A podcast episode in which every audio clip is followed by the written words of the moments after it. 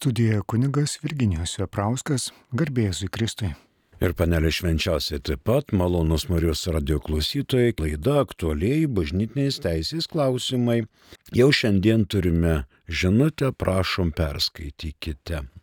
Klausim, ar gali kunigas duodamas komuniją sakyti, Kristaus kūnas ir kraujas te saugo taviam žinajam gyvenimui ir ar gali kiekvieną dieną duoti, kiekvieną dieną duoti iškilmingą palaiminimą. Ačiū.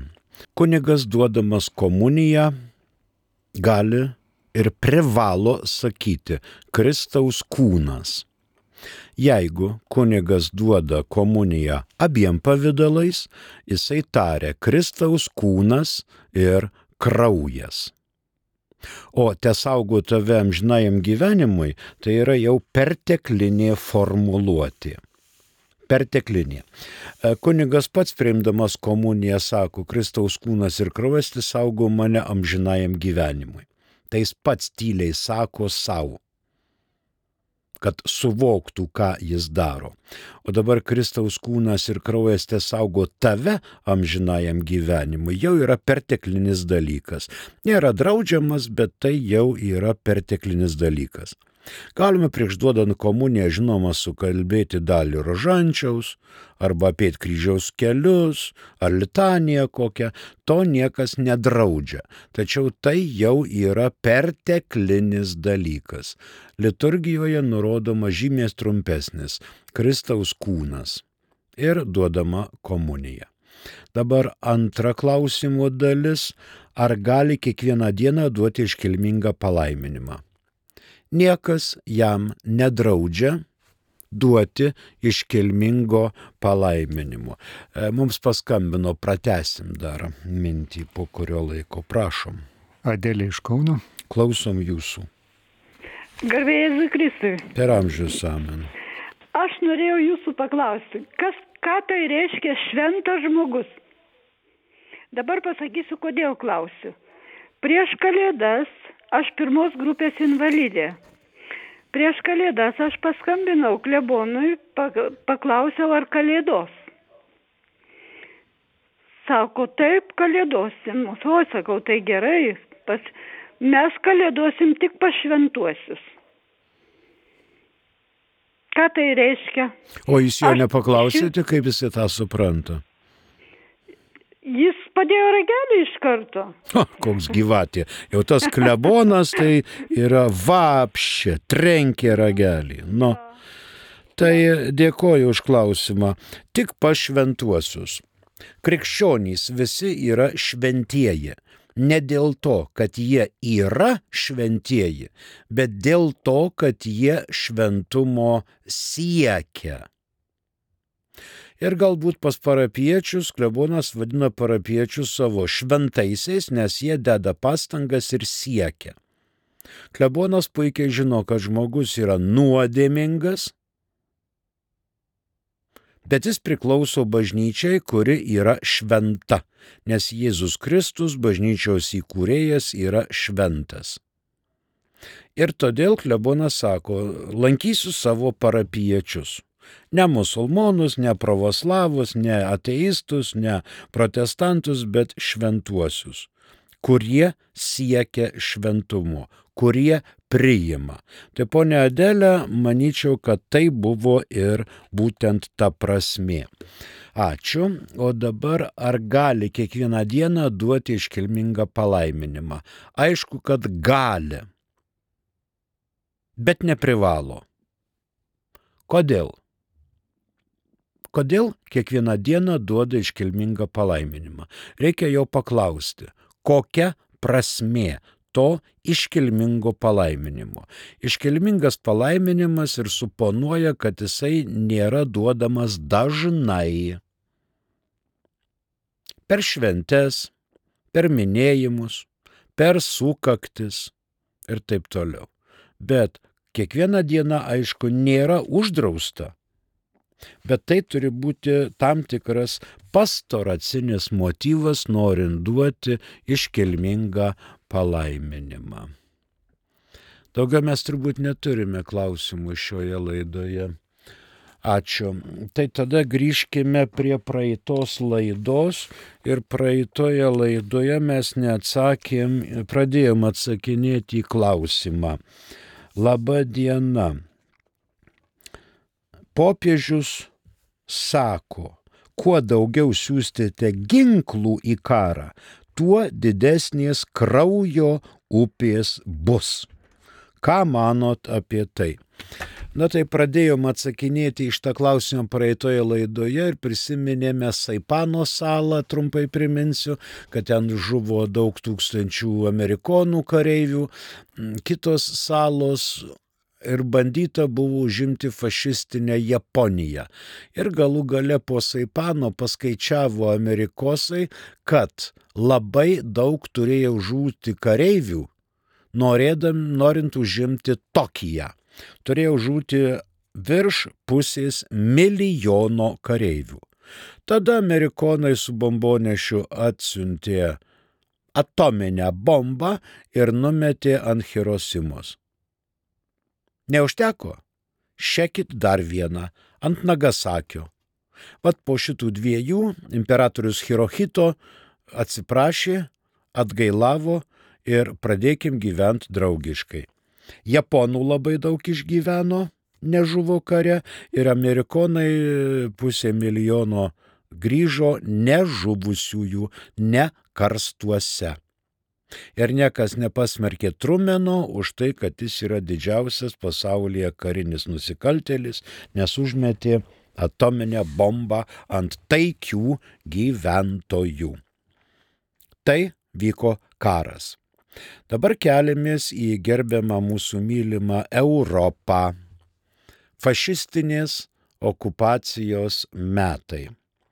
Vokiečiai. Iš kur jie gaudavo e, kūrą? Kūrą jie siurbdavo iš ploešti, iš Rumunijos, bet to kūro buvo mažai, nes jie kovojo keturiuose frontuose. Rytų frontas Norvegija 250 tūkstančių karių, Graikija, Šiaurės Afrika, na ir visa čia prancūzai ir taip toliau. Reiškia keturiais frontais. Kaip dviem frontais valstybė kariauna, jau jinai yra pasmerkta, o vokiečiai kariavo keturiais frontais. Dabar vokiečių mokslininkai sugalvojo, kad kai nėra naftos grėžinių, reikia sintetinti kūrą reikalingą lėktuvam, tankam, traktoriam, mašinom, motociklam, lėktuvam ir visiems kitiem technikos stebuklam. Kaip tarė, taip ir padarė. Pasistatė kokią 13 gamyklų Vokietijoje, e, viena iš jų Saksonijoje, kaip ten jinai vadinosi, Leno Leno gamykla. Na, žodžiu, koncernas. Reikėjo 120-200 atmosferų, reikėjo 500 laipsnių pagal Celsijų, e, ten iš anglies, su heliu, su vandeniliu ir, reiškia, išspausdavo kūrą. Anglai su amerikonai suprato, kad jeigu nutrauksi šitą vamzdį tekantį į kūro bakus, tai sustos visa technika. Kaip tarė, taip ir padarė. Na, toj gamykloje dirbo ten 35 tūkstančiai kažkur darbininkų, nu toks jau koncernas buvo, gamyklėlė. E, uždaviau praeitoje laidoje klausimą, kiek reikėtų bombonešių, kad sunaikintų, pavyzdžiui, mūsų Jonavos azotą. Ir tuo pačiu atsakiau, lygiai vieno bombonešio. Tikšt ir ištiško visas azotas su visa amofoska. Tai dabar sąjungininkai sugalvojo, kad norint tą gamyklą Saksonijoje susprogdint, reikia ne vieno ir ne 20 bombonešių, bet bent kokių 300. Na, koks desėtkas numušta bus bombonešių, koks desėtkas neras taikinio, numes kažkur į laukus, bet vis tiek 280, 270 lankasterių ir galifaksų numes savo bombas ant gamyklos. Kaip tarė, taip padarė. Gamyklos nėra. Po dešimt dienų gamykla atsistojo ant kojų. Po dešimt dienų. Ir produkciją gamina bet ne šimtų procentų, o 75 procentais. Britai su amerikonai susižvalgė, čia kažkas ne taip. Dar 300 bombonešių, tekit. Kaip tarė, tai padarė, vėl atskrido 300 bombonešių. Vėl sulygino gamyklą su žeme. Po dviejų savaičių gamykla veikia. 53 procentų pajėgumu, bet veikia. Tada jie iš vis išširdo ir galvoja, kas čia dabar ne taip. Jeigu mes 13 gamyklų bombarduosime ir reikia 12-14 antskrydžių po 300 bombonešių, keturiais varikliais, su prikabintom bombom, kur resursai eikvojami. Kažkokia nesąmonė. Ta Saksonijoje gamykla bombardavo 22 dviem antskrydžiais, vidutiniškai po 300 bombonešių. Iš nepaskandinamo Britanijos lėktuvnešio. 300 bombonešių skrusdėliukai subėga, gamykla vėl veikia. Kažkoks stebuklas. Tada jie pasižiūrėjo, kad kažkas ne taip, kažką reikia keisti. Resursų mes šitiek neturim, kad sudužbasintumėm visas gamyklas, o kur dar kariniai dalykai. Kaip tarė, taip ir padarė.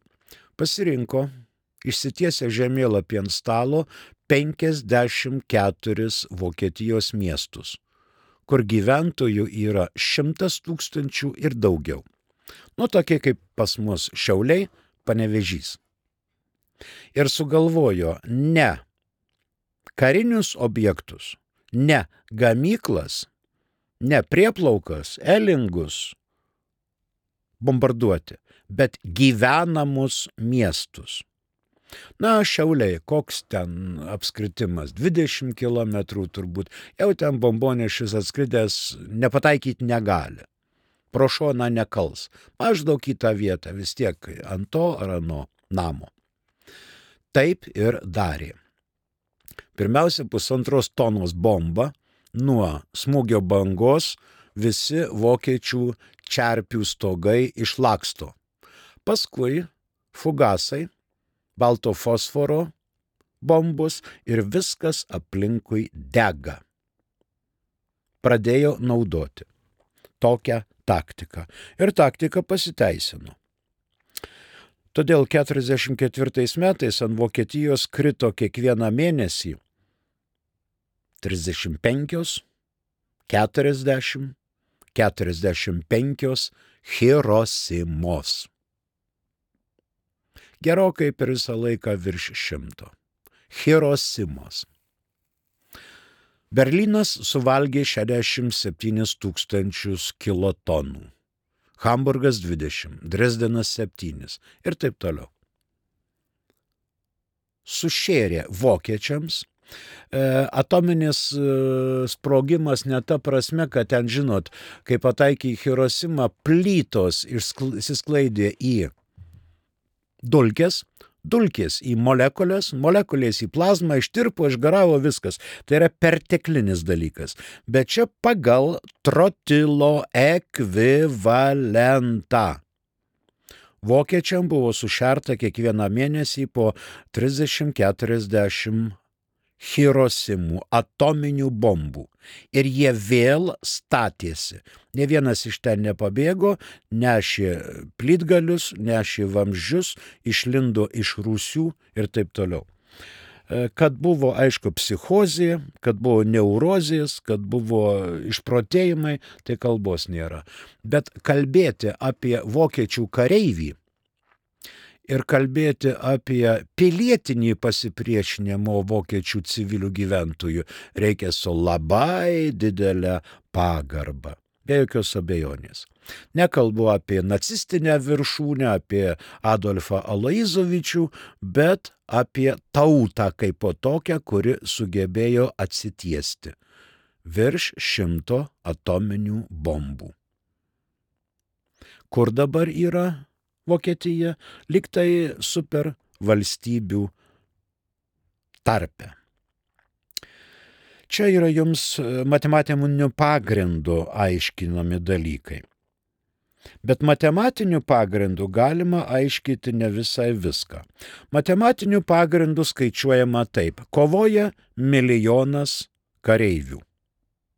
Šimtas tūkstančių, aišku, žūsta, 30-40 tūkstančių paimama į nelaisvę. Sužeisti, kontuzyti, kiti pasiduoda ir taip toliau. Kai 22 birželio fašistinė Vokietija peržengė taikios tarybinės valstybės sienas, jų buvo 3,5 milijono. Per pirmus mėnesius pasidavė tarybinių karių 4 milijonai. Tai jūs pasakykit, kokiu matematiniu pagrindu galima buvo paskaičiuoti, kad juos reikia ten pavalgydinti, apnakvydinti, apauti, aprengti, saugoti, jeigu užpuolusių karių buvo 3,5 milijono, o pasidavė 4 milijonai. Tai dabar apie matematinius pagrindus kalbėti yra labai labai atsargiai. Grįžtam prie popiežiaus. Kuo daugiau siūsite ginklų į karą, tuo didesnės kraujo upės bus. Pasakykit šitą Šiaurės Korejai, kad nesiūstų. Pasakykit šitą šahedams Iranui, kad nesiūstų. Ar jie jūsų paklausys? Popiežius vadovaujasi matematiniu principu ir gerai daro. Kuo daugiau siūsit ginklų, tuo daugiau kraujo upės tekės. Nu, kam čia gali būti neaišku? Vakarai remia Vakarai atstato Ukrainą. O į Ukrainą skrenda pagal antro pasaulinio karo strategiją bombos ir raketos. Greuna teatrus, darželius, mokyklas, civilinius pastatus, nori, kad ukrainiečiai išeitų iš proto, depresiją gautų neurozę, pabėgtų ir priverstų savo valstybę pasiduoti. Prasidės streikai, neramumai, nepalaikymas prezidento ir taip toliau. Tai yra sena strategija. Ukrainiečiai laikosi ir mes turim tokią akciją radarom, kurią palaikome besiginančią šalį, kuri neišprovokavo agresijos neišprovokavo. Todėl popiežius ir sakė, kuo daugiau siūsite ginklų, tuo didesnės kraujo upės bus. Visiems viskas aišku. Tai tiek iš praeitos laidos. Na, o dabar čia turim dar porą klausimų. Prašom. Ar yra galimybė kitų krikščioniškų konfesijų dvasininkams pereiti į katalikų bažnyčios dvasininkų luomą ir atvirkščiai katalikų dvasininkams pereiti į kitos krikščioniškos konfesijos dvasininkų tarpą? E, taip yra galimybė. Galimybė yra.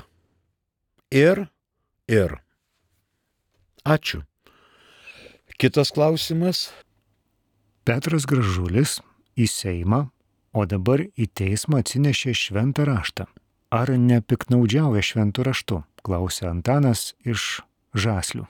Žinote, jeigu mes šventą raštą skaitome traukinyje ar lėktuve, arba atsinešame į teismą, O koks čia piknaudžiavimas? Tik tai bėda ta, kad jis nežino vietos, kurią jis norėtų pacituoti. Ieško, ieško, varto, varto ir niekaip neranda. Sako, čia yra parašyta, bet kur aš nežinau. Tai ar jo bėda, kad jis neranda?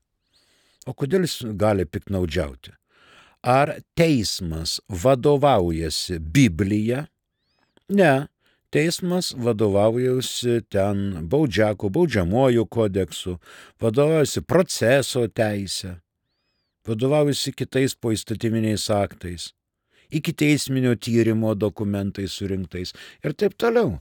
Taip, kad galima neštis į teismą ne tik tai šventą raštą, bet ir Koraną galima atsinešti. Penkiaknygę galima atsinešti hebrajų kalbą Kas draudžia? Tik mokėt reikia naudotis. Mokėt reikia naudotis. Mm, kol dar kitų klausimų nėra, mes galim pratesti mintį apie krikščionių dvasininkus. Krikščioniškų konfesijų dvasininkai nori pereiti į katalikų bažnyčios dvasininkų luomą katalikų dvasininkai nėra luomas po antro Vatikano susirinkimo. Ir dabar žiūrint, kokių krikščioniškų konfesijų dvasininkai nori pereiti į katalikų bažnyčios dvasininkus. Jiems reikia, aišku, pasibaigti seminariją. O į seminariją priimami nevedę vyrai.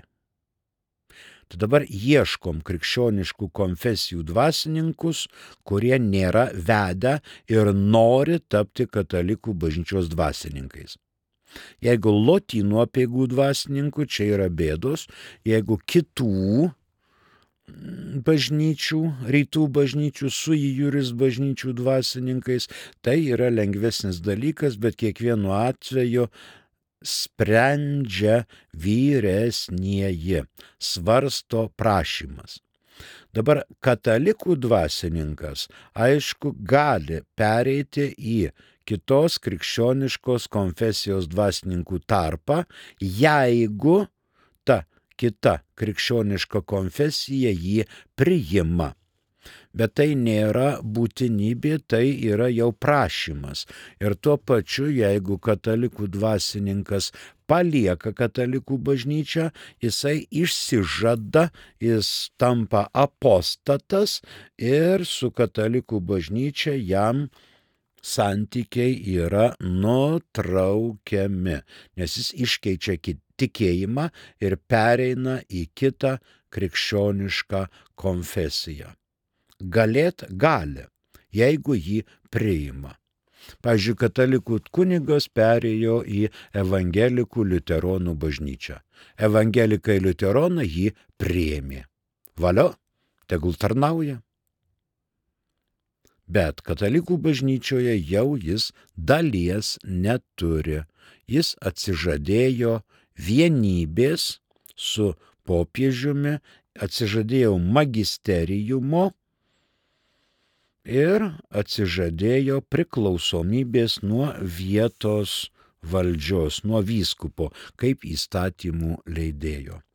Ačiū kuri vadinasi sankcijos bažnyčioje apie nusikaltimus ir bausmes bendrai. Žinome, kad bažnyčioje valdžia yra sava. 204 kanonas. 204 kanonas, pirmas ir antras paragrafai. Kristaus tikintieji yra tie, kurie krikštų įjungti į Kristų buvo suburti į Dievo tautą ir dėl to savaip tapę Kristaus kunigiškosios, pranašiškosios ir karališkosios pareikos dalyviais yra pašaukti kiekvienas pagal savo padėtį į misiją, kurią atlikti pasaulyje Dievas pavedė bažnyčiai. Tai yra bendruomenė.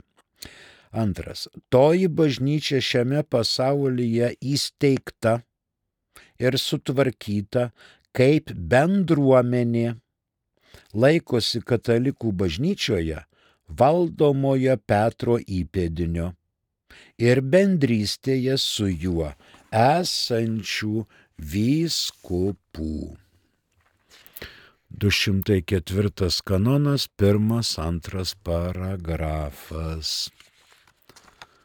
E, mums paskambino, prašom. Dainius iš Kauno. Klausom jūsų. Garbė Jėzui Kristui. Ir amžius. Noriu paklausti uh, klausimo dėl bilinėjimuose. Šventas raštas sako, kad uh, mes turėtume atleisti savo artimajam, jeigu ir turim kažkokią tai, nu, skriaudą, žalą ir panašiai. Ir aš turiu tokią situaciją ir uh, tas, kad aš pagal mūsų civilinius įstatymus kaip ir turiu teisę prisiteisti iš jo žalą ir dar net ten visokių papildomų sankcijų. Ir tą bylą teisininkai sako, kad aš tikrai laimėčiau. Bet ma, ar tame nėra kažkokios tai prieštaros su bažnyčios mokymu? Dėkui. Ačiū. Dainiau nėra. Nėra. Jeigu jaučiate žalą, prisiteiskite. Manyčiau, kad jūs nesat pats savo pasaulyje vienas. Gal jūs turite šeimą, gal mylimą žmoną, gal vaikučių, gal tėvus, gal brolius seseris. Kodėl jūs turite nuleisti rankas ir jums konstitucijos teisę nepasinaudoti? Kodėl jūs nuimat šitą galimybę? Pasinaudokite. O Biblija sako, kad atleisti. Atleisti yra gailestingumas. Labai valio. Bet teisingumas taip pat turi būti. Taip pat turi būti. Va, seksualiniai išnaudojimai. Taip, bėdos, nusikaltimai, bausmė, sankcijos. Atleisti iš širdies galima, bet turi būti kompensuota įstatymų numatyta tvarka sukelta žala. Turi būti. Turi būti. Dainiau pakovokit teismuose dėl savo teisių. Jūs ne vienas, jūs kovojate ir prisiteisėte žalą. Jums padaryta. O vat su ta priteista žala jūs galite daryti, ką tinkamas. Galite darželį paremti, galite neįgaliųjų centrą paremti, galite dar kokį gerą darbą padaryti, Ukrainai paukoti, jūs kaip tinkamas. Atleist iš širdies reikia, nenešiokit plytgalio užantyje, bet už teisingumą pakovokit. Ačiū. Kitas klausimas, prašom. Ar nuodėmė pavydėti kitiems, kad turi daugiau vaikų? Žmona nebenori turėti daugiau vaikų. Ar katalikui reikia stengtis įpirkti kotedžą ar geriau šeimai sukurti, įsikurti kuklesnėme būte? Labai daug klausimų vienoje vietoje.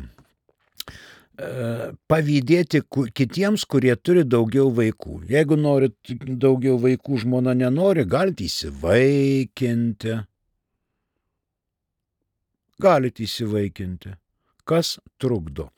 Nes žmona eidama į santoką su jumis pasižada, kad bus atvira naujai gyvybei. Iš abiejų sutoktinių reikalaujama atvirumo būsimai gyvybei. O jeigu žmona nebenori, gali būti, kad jinai ten naudoja kažkokias priemonės arba nebaigia to akto, na, įvairių klausimų čia. Dabar kataliko reikia stengtis įpirkti kotedžą. Čia vėlgi pagal jūsų, reiškia, finansinius tvarius išteklius. Matot, kažkas pralošia 30 milijonų, kažkas iš pensijos suduria galą su galu. Taip kad jūs žiūrėkite į savo šeimą, į poreikius, į darbą, į kitas galimybės. Ačiū. Dar yra klausimas. Ar daugiau nėra? berots nematau? Ai, berots nematau. Tai gerai tada. Važiuojam toliau. 204 kanonas, pirmas, antras paragrafas apie bendruomenę. Dabar bažnyčia nėra priklausoma nuo bet kokios žmogiškos valdžios. Tačiau jinai evoliucionuoja dėl teologinių, filosofinių ir istorinių pasikeitimų. Kiekvienas narys turi teisę gyventi bendruomenėje ir realizuoti savo antgamtinius tikslus. Tas tikslas realizuojamas per bažnyčios galimybę tame tarpe ir bausti. Galimybė bausti nėra bažnyčiai suteikta ar pripažinta. Ir bažnyčia pati leidžia įstatymus. Ir pati bažnyčia negali išsižadėti ar nepaisyti tos galios. Tokiu būdu baudimas yra bažnyčios misija. Tai yra bažnytinis gėris. Čia galima kalbėti apie nusikaltimą ir apie bausmę. Dabar bažnytinės baudžiamosios teisės subjektas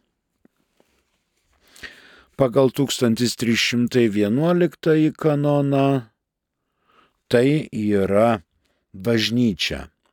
Turi prigimtinę teisę ir savo teisę skirti baudžiamasias sankcijas nusikaltusiems Kristaus tikintiesiems.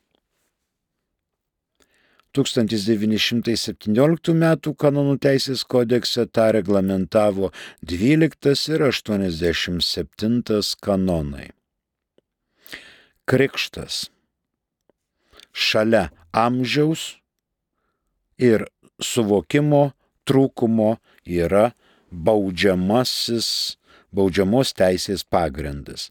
Jeigu žmogus yra pakrikštytas ir neturi pakankamo amžiaus arba protinio suvokimo trūksta, jis nėra baudžiamosios teisės subjektas. Pagal krikštą, ar krikštas yra, ar nėra. Pagal 17 metų kanonų teisės kodeksą priklauso, kad būtų krikštas o kad katalikų bažnyčios krikštas, o 83 metų apima ir atsiskyrusiuosius brolius ir seseris. Tai yra plačia, plati bažnyčios apimtis. Gal dar tą 204 kanono pirmąjį 204 kanono pirmąjį paragrafą. Paskaitysime. Kristaus tikintieji yra tie, kurie krikštu įjungti į Kristų buvo suburti į Dievo tautą ir dėl to savaip tapę Kristaus kunigiškosios, pranašiškosios ir katalikių karališkosios pareigos dalyviais. Yra pašaukti kiekvienas pagal savo padėtį į misiją, kurią atlikti pasaulyje Dievas pavedė bažnyčiai. Taigi Kristaus tikintieji bet ne vien katalikai. Mums paskambino, prašom. Algis iš Kauno. Klausau jūs. Norėjau gerbamą kunigą paklausti, mm. ar kunigas turi, ar gali kunigas išsakyti savo mintis, reiškia, e, e, e, rinkimų metu savo mėgiamą žmogų, kai buvo išlaudos kunigas pas, pasisakė myšių metu apie vėgelę ir labai daug pasipylė e, e, visokių e, priešingybių prieš, tą, prieš kunigo išsakytas mintis. Ačiū, Algi. Išlaužo kunigas nepažeidė rinkimų įstatymo. Punktas pirmas. Punktas antras Lietuvos viskupų konferencija aiškiai įvardino, kad tegul kunigai šias savo mintis pasilaiko savo ir jų neviešina. Kunigai turėtų kviesti žmonės eiti balsuoti pagal savo teisingai suformuotą sąžinę. Nes matot, kunigas negali būti netgi ir partijos nariu. Vienos ar kitos partijos, nes tai yra jau dalis. O kunigas yra visų, privalo visa, visiems tarnauti. Ir kairiem, ir dešiniem, ir per centrą, ir nuo centro į kairę, ir nuo centro į dešinę, o jeigu kunigas pasisako už konkretų ten nepartinį, tai kiti partiniai gali traukyti pečiai, sakys, nu kas čia dabar, kodėl kunigas mus apleidžia, mes irgi esam tikintieji ir norime dvasinės pagalbos, o jis mus piktina pasisakydamas už vieną ar kitą narį. Ačiū, Algi. Na tai dabar turbūt tuo mes ir pabaigsime, laikas baigėsi, nepamirškite, kad rytoj Lietuvos katalikų mokslo akademija Martino Mažydo bibliotekoje organizuoja paskaitas, ciklą paskaitų, konferencijas apie seksualinį piknaudžiavimą bažnyčioje. Prie mikrofono dirbo kunigas Virginijus Veprauskas, ačiū ir sudie.